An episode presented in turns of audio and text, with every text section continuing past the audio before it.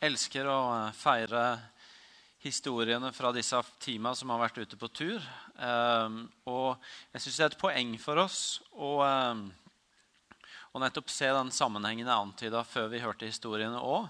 Nemlig at vi som menighet har hatt et fokus på å be for disse teama og på å stå med dem i bønn mens de har vært på tur. Uh, og når vi feirer historiene, så feirer vi ikke bare noe de har vært med på, men vi feirer noe vi har vært med på. Fordi vi har vært med på denne reisen. Vi har stått med i bønn. Uh, og jeg tror jeg har bare lyst til at vi skal holde fast i den sammenhengen. At det, det, er en sammenheng mellom at vi har gitt det fokus i bønn, og at det kommer historier tilbake til oss om at Gud har gjort noe på de turene. Og det skal få lov til å være et bakteppe, en sånn ting å bygge videre på når fokuset for undervisninga i dag er å peke litt fram mot menighetens bønne- og fasteuke, som begynner om ei uke. Og Grunnen til at vi snakker om det i dag, det er at vi alle skal få ei uke på oss til å tenke litt og forberede oss litt, sånn at vi er klare til å gå inn i den uka sammen som menighet når vi begynner neste mandag. Og Det kan være greit å ha i bakhodet erfaringa vi nettopp har gjort av at vi ba, og noe skjedde. Vi ba for noen som var på tur, og de kom tilbake med noen historier til oss. Så dere har, jeg kan bare si Det det kan godt hende jeg kommer til å nevne det senere i talen òg, men når dere kom inn i dag, så har dere fått med dere et par ressurser til bønn og fasteuka. Vel verdt å ikke bare la bli liggende under stolen etter gudstjenesten, men å ta med seg hjem og bruke når du skal gjøre deg klar for den uka som ligger foran. Som et bakteppe for å snakke om eh, eh, bønne- og fasteuka. Så her har jeg lyst til at vi skal ta med oss en av de sånn store, definerende bibelske historiene. En av de historiene som er veldig kjente fra Bibelen, og som du egentlig trenger for å forstå en del andre ting i Bibelen. Så trenger du å vite om den. Eh, og det er en sånn historie som dukker opp mange andre steder i kulturen vår. Det er historien om når Gud tar israelsfolket ut av Egypt. Eh, andre Mosebok leser vi om det. Eh, og vi skal rase litt igjennom en 12-13 kapitler i løpet av noen få minutter. Og så får vi satse på at dere blir så nysgjerrige at dere går hjem og leser det jeg ikke leser sjøl. Eh, men eh, bakteppet for historien er jo altså at israelsfolket, Guds eget folk, er i Egypt. Og det som i utgangspunktet var en stor velsignelse for dem, er nå blitt et fangenskap. De kom inn i landet fordi det var hungersnød der de sjøl bodde. Og så var de så heldige at en som var blitt fra deres eget folk, som var blitt solgt som slave til Egypt på gudfeldig vis, får vi si Gud hadde en sterk finger med i spillet. Hadde havna som en av de mektigste folka i landet. Eh, og gjennom det kunne ta de inn i landet når det kom hungersnød, og hjelpe dem og til og med sette dem i en helt privilegert posisjon i det landet. Men så har altså en god del år gått og passert. Nye ledere har kommet til. Han som ga dem den privilegerte posisjonen, er død. Og israelsfolket har gått fra å være privilegerte til å være slaver. Eh, de har blitt mange, og eh, Lederne av landet har blitt redd for at de skal overta landet, så mange som de har blitt. Og de har blitt plassert som slaver for egypterne. Og dette har nå eh, kommet til et punkt hvor Gud ønsker å ta tak i det. Hvor Gud ønsker å eh, gjøre noe med situasjonen til folket sitt, israelsfolket. Og det er inn i den historien at Moses kommer i 2. Mosebok 3. Sjøl israelitt eh, vokste opp blant herskerne i Egypt. Eh, men så tok han livet av en fyr og måtte rømme. Og på det punktet vi kommer inn med han i historien, i 2. Mosebok 3, så er han i et annet land. Og 2. Mosebok kapittel 3 begynner med å si at Moses gjette småfe til svigerfaren Jetro, presten i Midian. Han er altså blitt sauegjeter for svigerfaren sin. Og Det går jo an å grunne på om det er en drømmejobb eller ikke.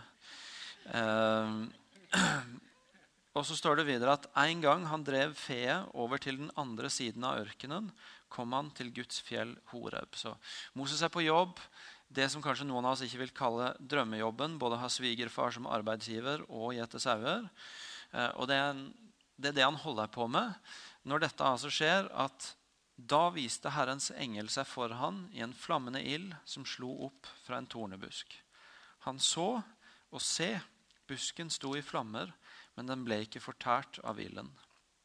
Og Moses sa, 'Jeg vil gå bort og se dette mektige synet.' Hvorfor brenner ikke tornebusken opp? Men da Herren så at han kom bort for å se, ropte Gud til ham fra tornebusken. Moses, Moses, han svarte, Her er jeg. Og Gud sa, Kom ikke nærmere, ta skoene av føttene. For stedet du står på, er hellig grunn. Så sa han, Jeg er din fars Gud, Abrahams Gud, Isaks Gud og Jakobs Gud. Da skjulte Moses ansiktet, for han var redd for å se Gud. Vanlig dag på jobben, og plutselig står Moses på hellig grunn. Han står på et sted hvor Gud sier, 'Nå møter du Gud sjøl. Det er jeg som snakker med deg.' Og han må ta seg på beina, han må skjule ansiktet sitt. Han må bøye seg ned og lytte når Gud plutselig snakker til ham. Og Det er da Gud sier noen ting som for meg er et sånt referansepunkt som jeg stadig vender tilbake til når jeg trenger å minne meg på noe om hvem Gud er, og hvordan han forholder seg til vår verden. For Gud fortsetter, når Moses har skjult ansiktet sitt, med å si Jeg har sett mitt folks nød i Egypt og jeg har hørt skrikene deres under slavedriverne. Jeg kjenner deres smerte. Jeg har steget ned for å fri de ut av hendene på egypterne og føre de opp fra dette landet og inn i et godt og vidstrakt land, inn i et land som flyter av melk og honning. Et sted hvor kananeerne og hetittene, amorittene og perisittene, hevittene og jebusittene bor. For nå har skriket fra israelittene nådd meg, og jeg har også sett hvor hardt egypterne undertrykker de. Gå nå, jeg sender deg til farao. Du skal føre mitt folk, israelittene, ut av Egypt. En Gud som sier at 'jeg har sett og jeg har hørt', 'jeg har fått med meg det, det israelsfolket lider', 'jeg har fått med meg klagen'. Og så fortsetter han med å si 'og jeg har steget ned'. Eh, nå stiger jeg ned for å gjøre noe nytt, for å hjelpe dem i den situasjonen de er i. En Gud som ikke bare ser og hører den klagen som kommer, den smerten som fins blant de som er hans, men en Gud som også setter seg i bevegelse, som stiger ned, og som sier dette ønsker jeg å gjøre noe med. Jeg ønsker å ta de ut av denne situasjonen og inn i et land hvor de er frie, hvor de har et annet liv enn det de har nå. Sier masse om hvem Gud er. Han ser, han hører, men han reagerer, han responderer også. Han stiger ned og ønsker å gjøre noe med den uretten, med den nøden som folket hans er i.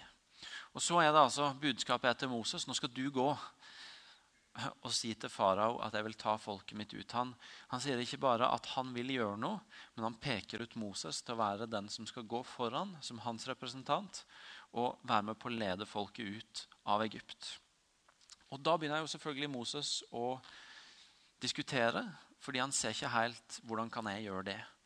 Eh, og hvem jeg er som kan gjøre noe sånt. Og Det første spørsmålet han har, det er jo hva i all verden skal han si?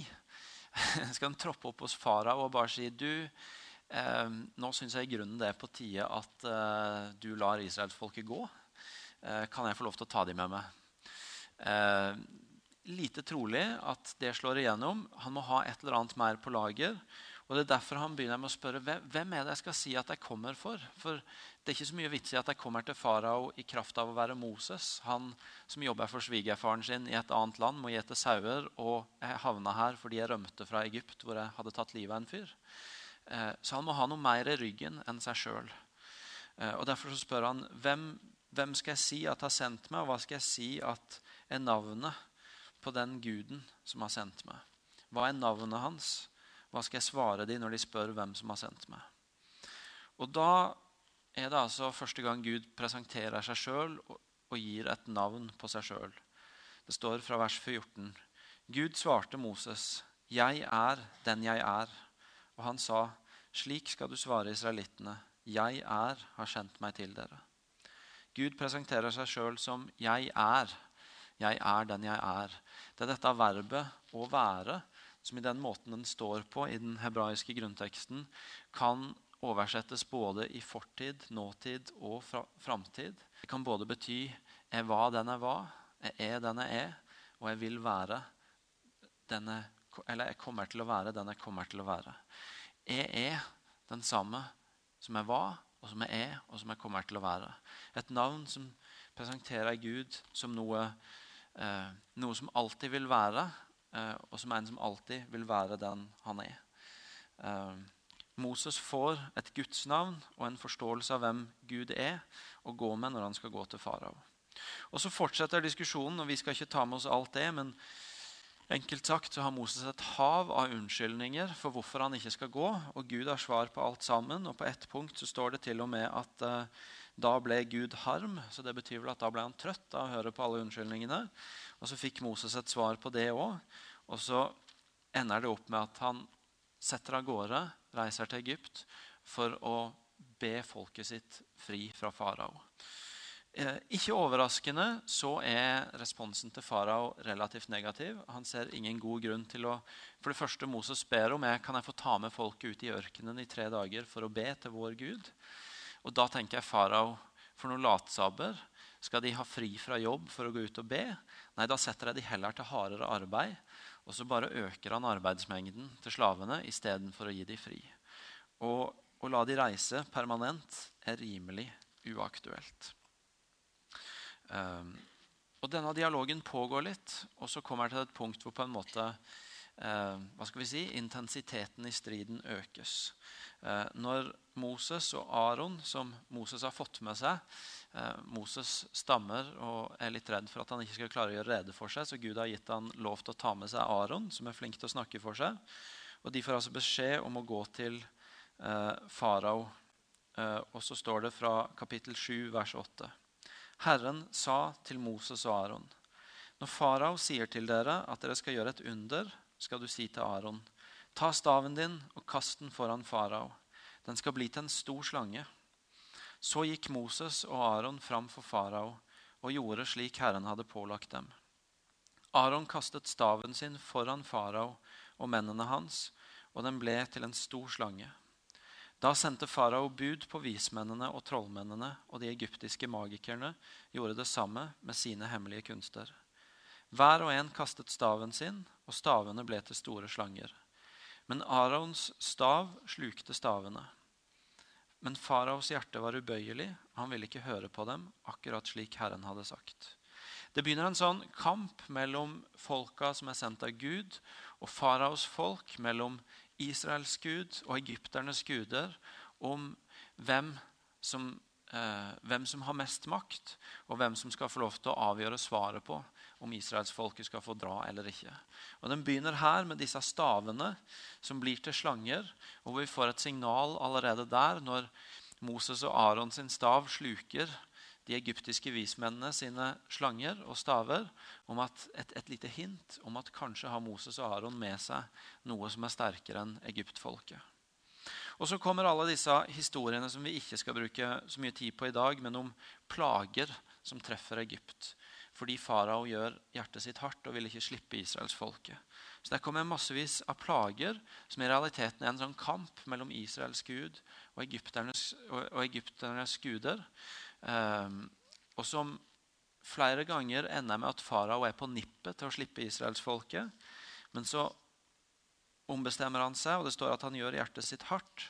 Og det er en ganske sånn intens dragkamp før det i kapittel 12, fra vers 29, eller fra vers 30, står Den natten sto farao opp, han og alle tjenerne hans og alle egypterne. Og det lød et høyt skrik i Egypt. For det fantes ikke et eneste hus uten noen døde. Mens det ennå var natt, sendte han bud etter Moses og Aron og sa:" Bryt opp, dra bort fra folket mitt, både dere og israelittene. Gå av sted og tjen Herren slik dere ba om. Ta også med dere småfe og storfe deres, som dere har sagt, og dra bort. Be så om velsignelse for meg også. Egypterne pressa på, for å få folket, på folket for å få dem ut av landet så fort som mulig. Ellers dør vi alle sammen, sa de. Det kommer til et punkt hvor egypterne, både farao og folket, kapitulerer. Og budskapet er 'reis, for all del reis', og be for oss til deres Gud, som har vunnet over våre guder underveis, sånn at det kan gå godt for oss også. Um, kampen er så langt vunnet, og israelsfolket setter av gårde. Begynner på reisen sin mot det landet Gud vil gi dem.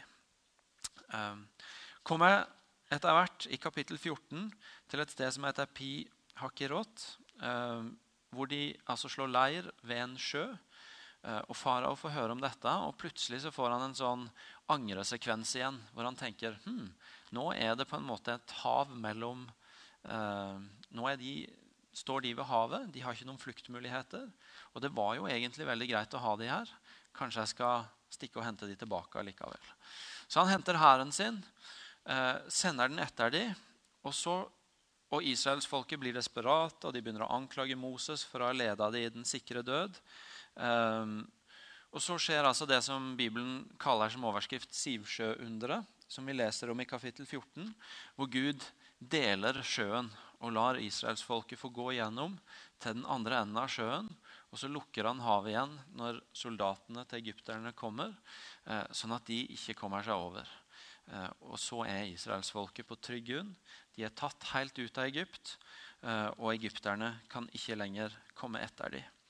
Og Da kommer de i kapittel 15 til det som er en sånn lovsang til Gud etter at Gud har vunnet alle disse kampene for dem. Eh, som er vel verdt å lese. Jeg skal ikke lese hele nå, men den begynner med å si at jeg vil synge høyt for, jeg vil synge for Herren, for han er høyt opphøyd. Han er min kraft og min styrke, han er blitt min frelse, han er min Gud. Han vil jeg prise. Og så slutter denne uh, lovsangen med å si vers 18.: Herren er konge til evig tid. En sånn anerkjennelse av at det de har sett, har vist dem at vår Gud er konge til evig tid. Han er konge over naturen, han er konge over egypternes guder. Han er konge til evig tid fast track gjennom 13 kapitler i Bibelen. Dere får gå hjem og lese grundigere hvis dere ble nysgjerrig. Um, masse ting selvfølgelig å trekke ut av eh, denne historien. Men tre ting vi skal plukke med oss i, på vei inn mot ei bønn- og fasteuke. Um,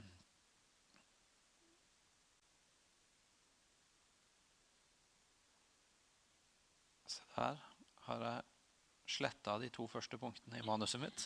Da får vi satse på at jeg husker dem. Nå ble jeg litt stille. Hva har skjedd her? Det skal gå bra. Første punktet. Eh, eh, for det første, Utgangspunktet for hele denne historien er at Gud åpenbarer seg for Moses og for folket.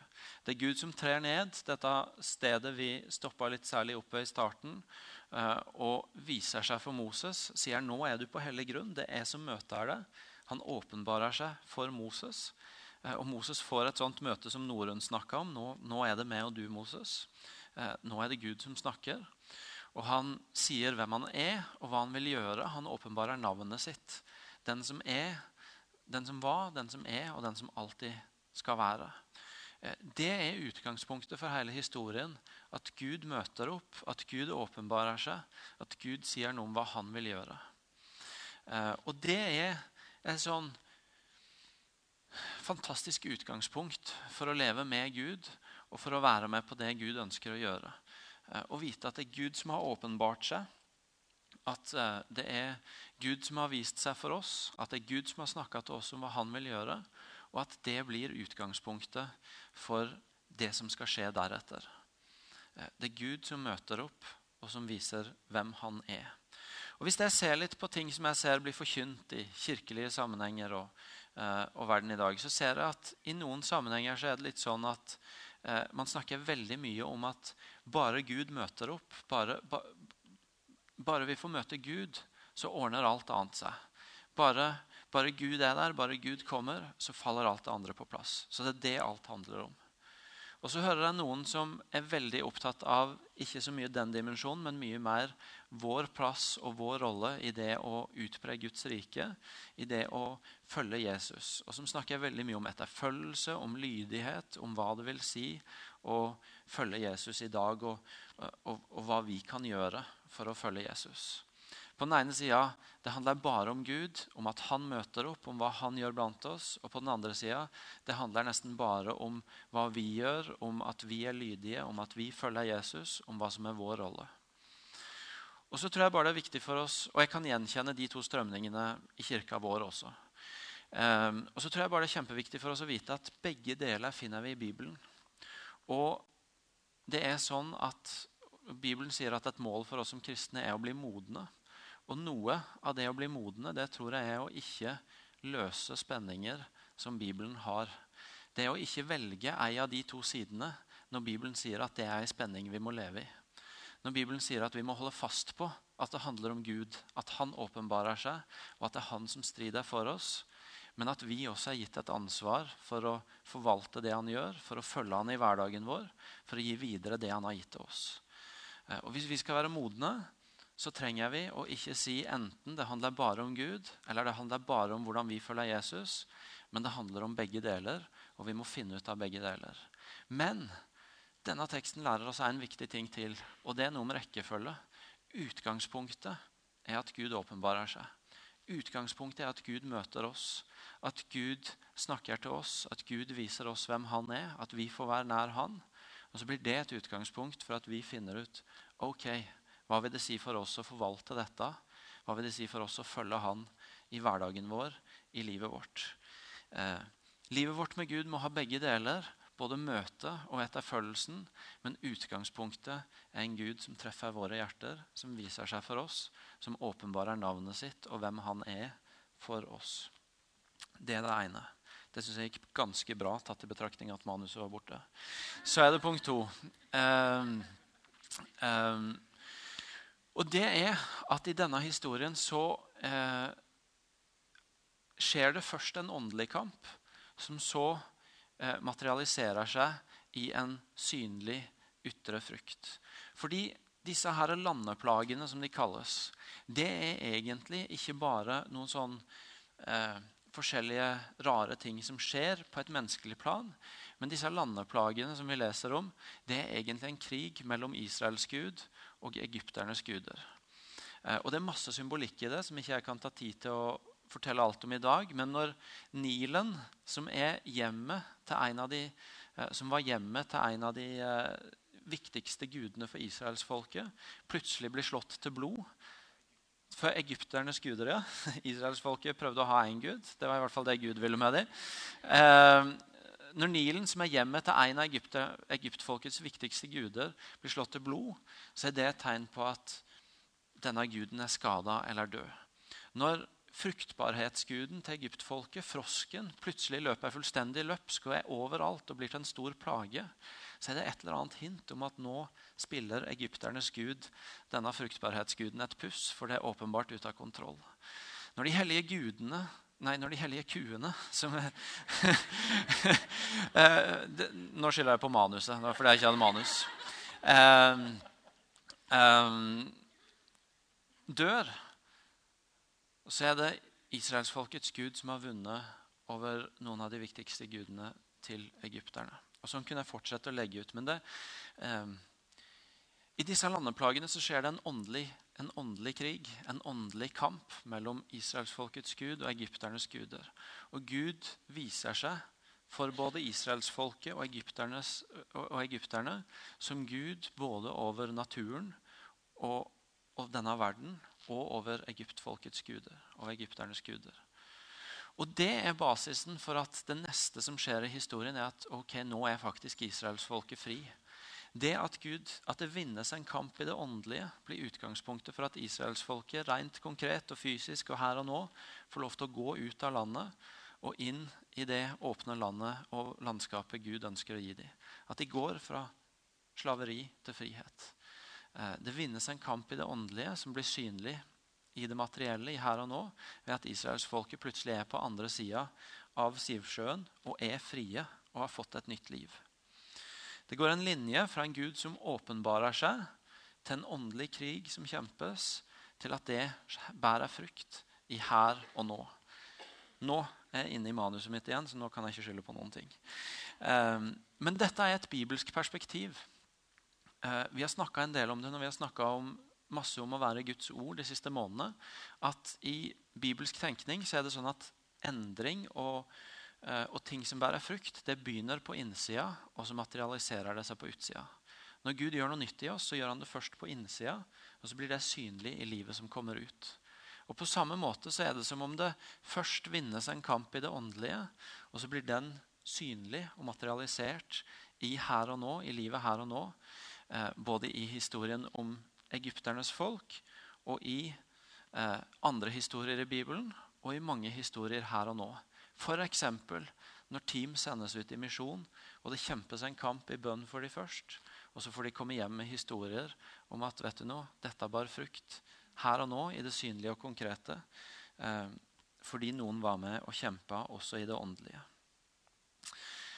La det perspektivet henge der. og Så skal jeg si en annen ting, og så skal jeg veldig kjapt bringe de to tinga sammen.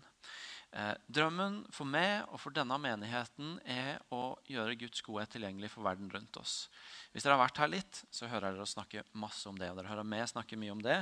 Og Jo lenger jeg blir her, jo større er sjansene for at dere blir trøtte av det, men dere må nok leve med det. for jeg tenkte å fortsette å snakke om det. Vi drømmer om å se Guds godhet tilgjengelig på helt konkrete vis for mennesker i verden rundt oss. Her lokalt i regionen, i landet vårt og i verden for øvrig. Eller nasjonene, som Terje sier. Og jeg tror ærlig og oppriktig at den viktigste veien til å se det skje, det er at hele Guds folk blir mobilisert til å leve i misjon. Til å eh, gi videre det Gud har gitt oss. Til å la vårt liv med Gud bli synlig for verden rundt oss. Eh, jeg tror så mye mer på at Eh, Stavanger vender tilbake til Jesus ved at deres liv med Jesus blir, blir synlig for folk, enn ved at jeg blir 10 flinkere til å preike. Selv om jeg gjør alt jeg kan for å preike så godt jeg kan, med eller uten manus. Siste gangen jeg skal referere til den.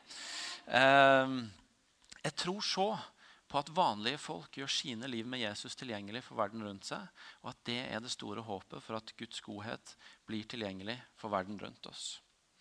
Og da tror jeg det er sånn at hvis det skal skje Eller la meg si det først. Vi har hørt noen av historiene om det i vitnesbyrda i dag.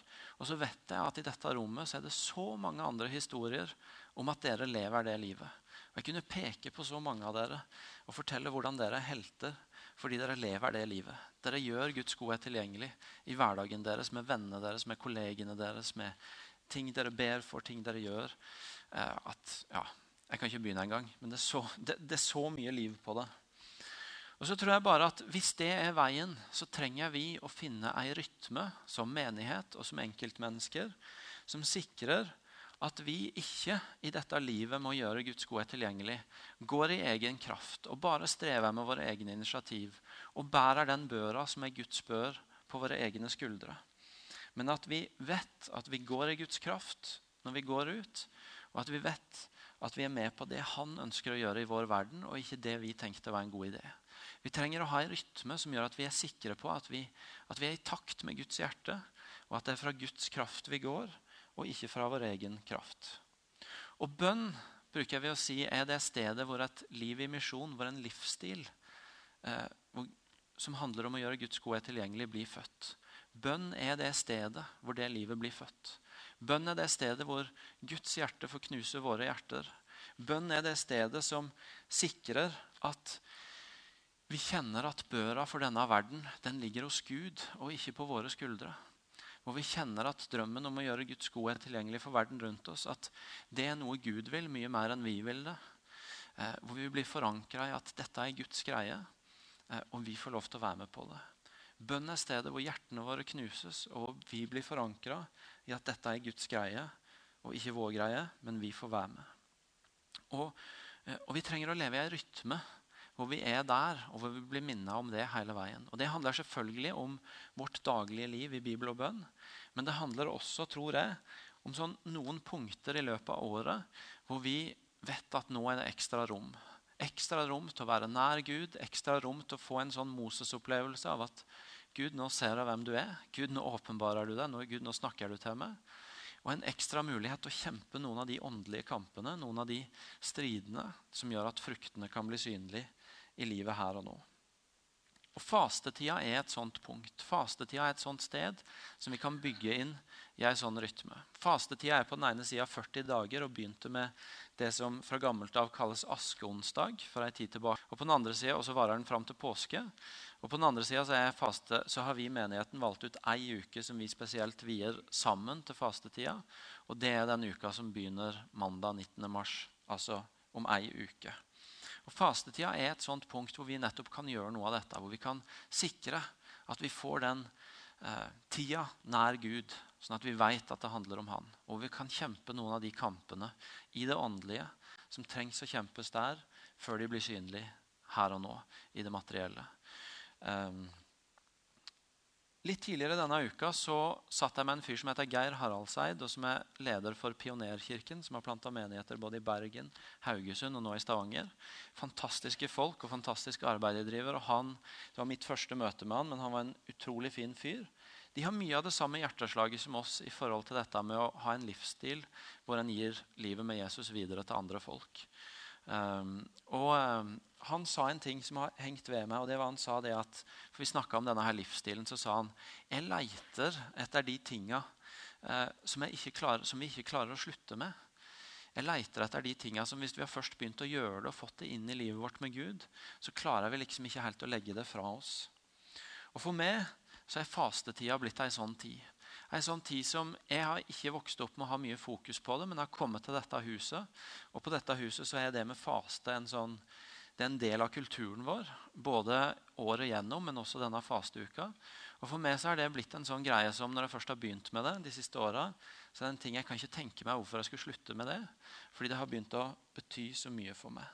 Og Jeg har lyst til å si og spesielt at det er helt greit å komme fra den posisjonen at vet du noe, dette er ganske fremmed for meg. Det høres litt sært ut. Det høres ut for Eh, det høres ut på en måte som kristne 3.0 og driver med faste. altså for de litt avanserte.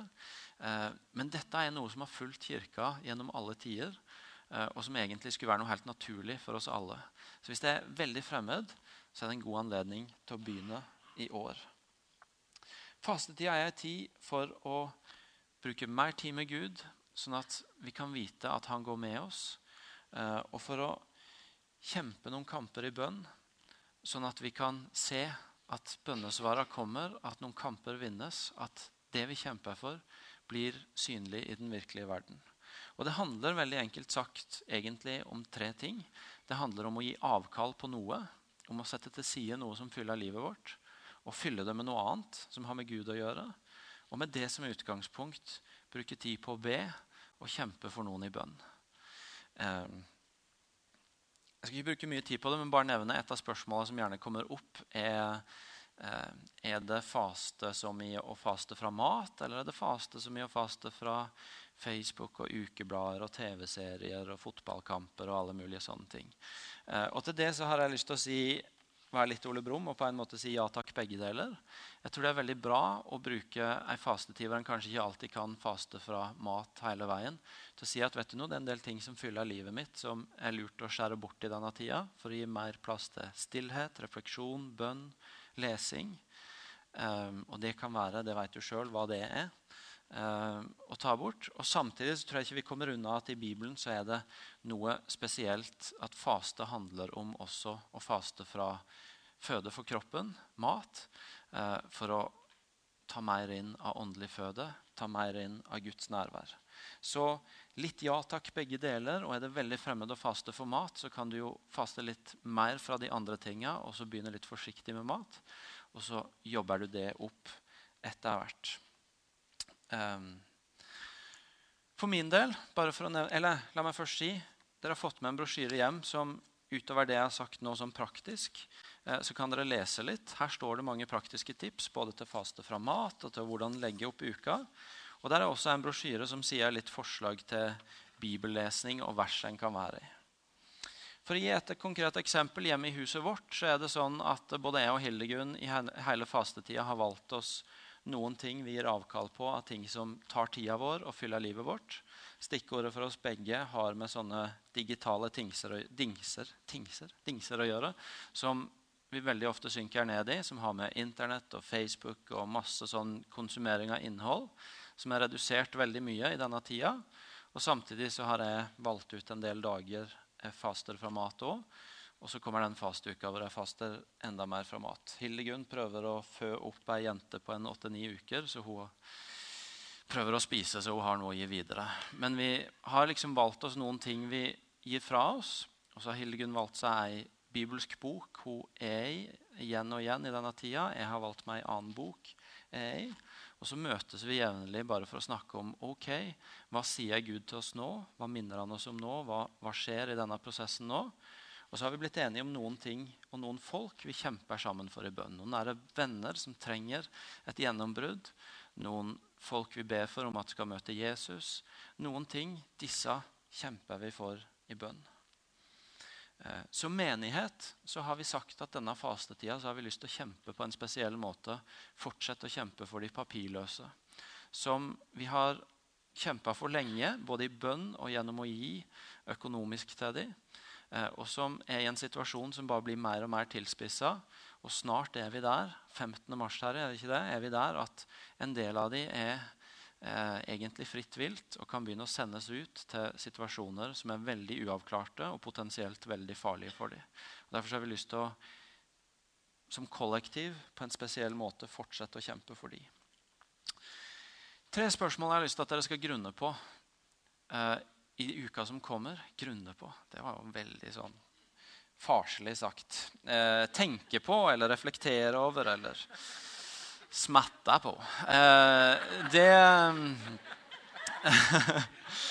eh, Det er hva, har, hva, hva, hva, er det jeg skal faste fra? Hva er det jeg vil gi avkall på i denne tida? Eh, hva er det jeg skal sette til side? Det er spørsmål 1. Spørsmål 2. Hva er det jeg vil gi mer rom til?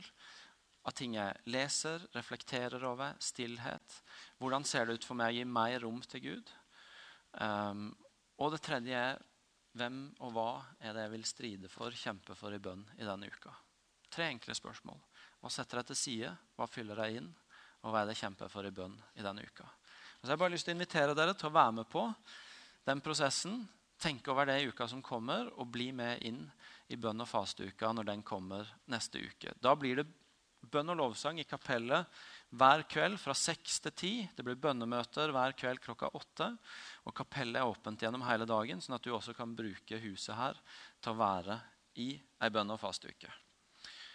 Good. Da tror jeg vi reiser oss og ber litt.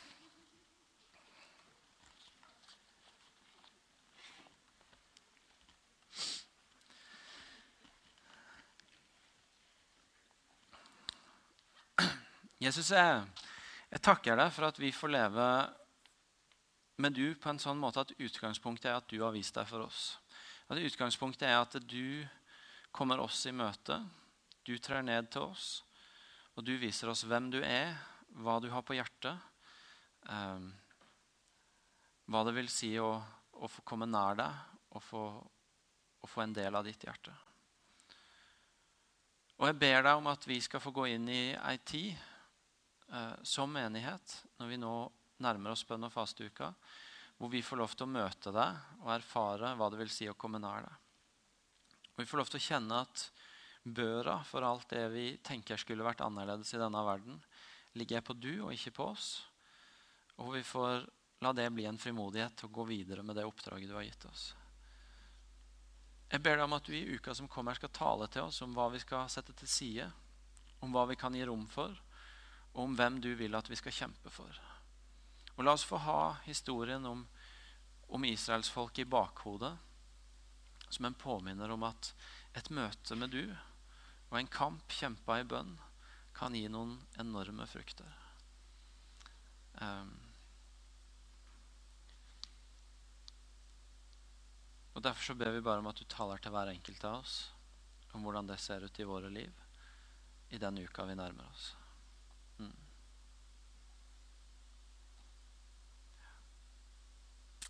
Ber deg spesielt for de av oss som, som, tenker at dette er litt fremmed, litt uvant, om at du bare um, gjør det tilgjengelig for oss.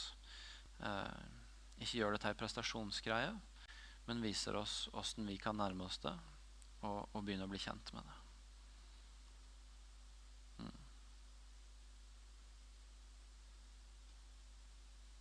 Og så vil vi også i kveld som menighet eh, bare begynne med det vi har tenkt å også eh, holde på med i fasteuka, nemlig å, å, be for å kjempe for, og be du om å kjempe for eh, de papirløse innvandrernes situasjon. Om en løsning, om rettferdighet, eh, om avklaring for barn og voksne som er i en utrolig pressa situasjon. ber deg om rettferdighet, Jesus ber deg om rettferdighet. Og Vi ber deg om at saken din sin i tida som kommer, ikke skal få lov til å drukne i um, sånne nærsynte saker i, i, vårt land, enten det er politikere som tryner eller andre ting, men at denne saken skal få lov til å være høyt på agendaen i tida som kommer, og at eh, vi som samfunn ikke skal få lov til å glemme disse menneskene og det de står i.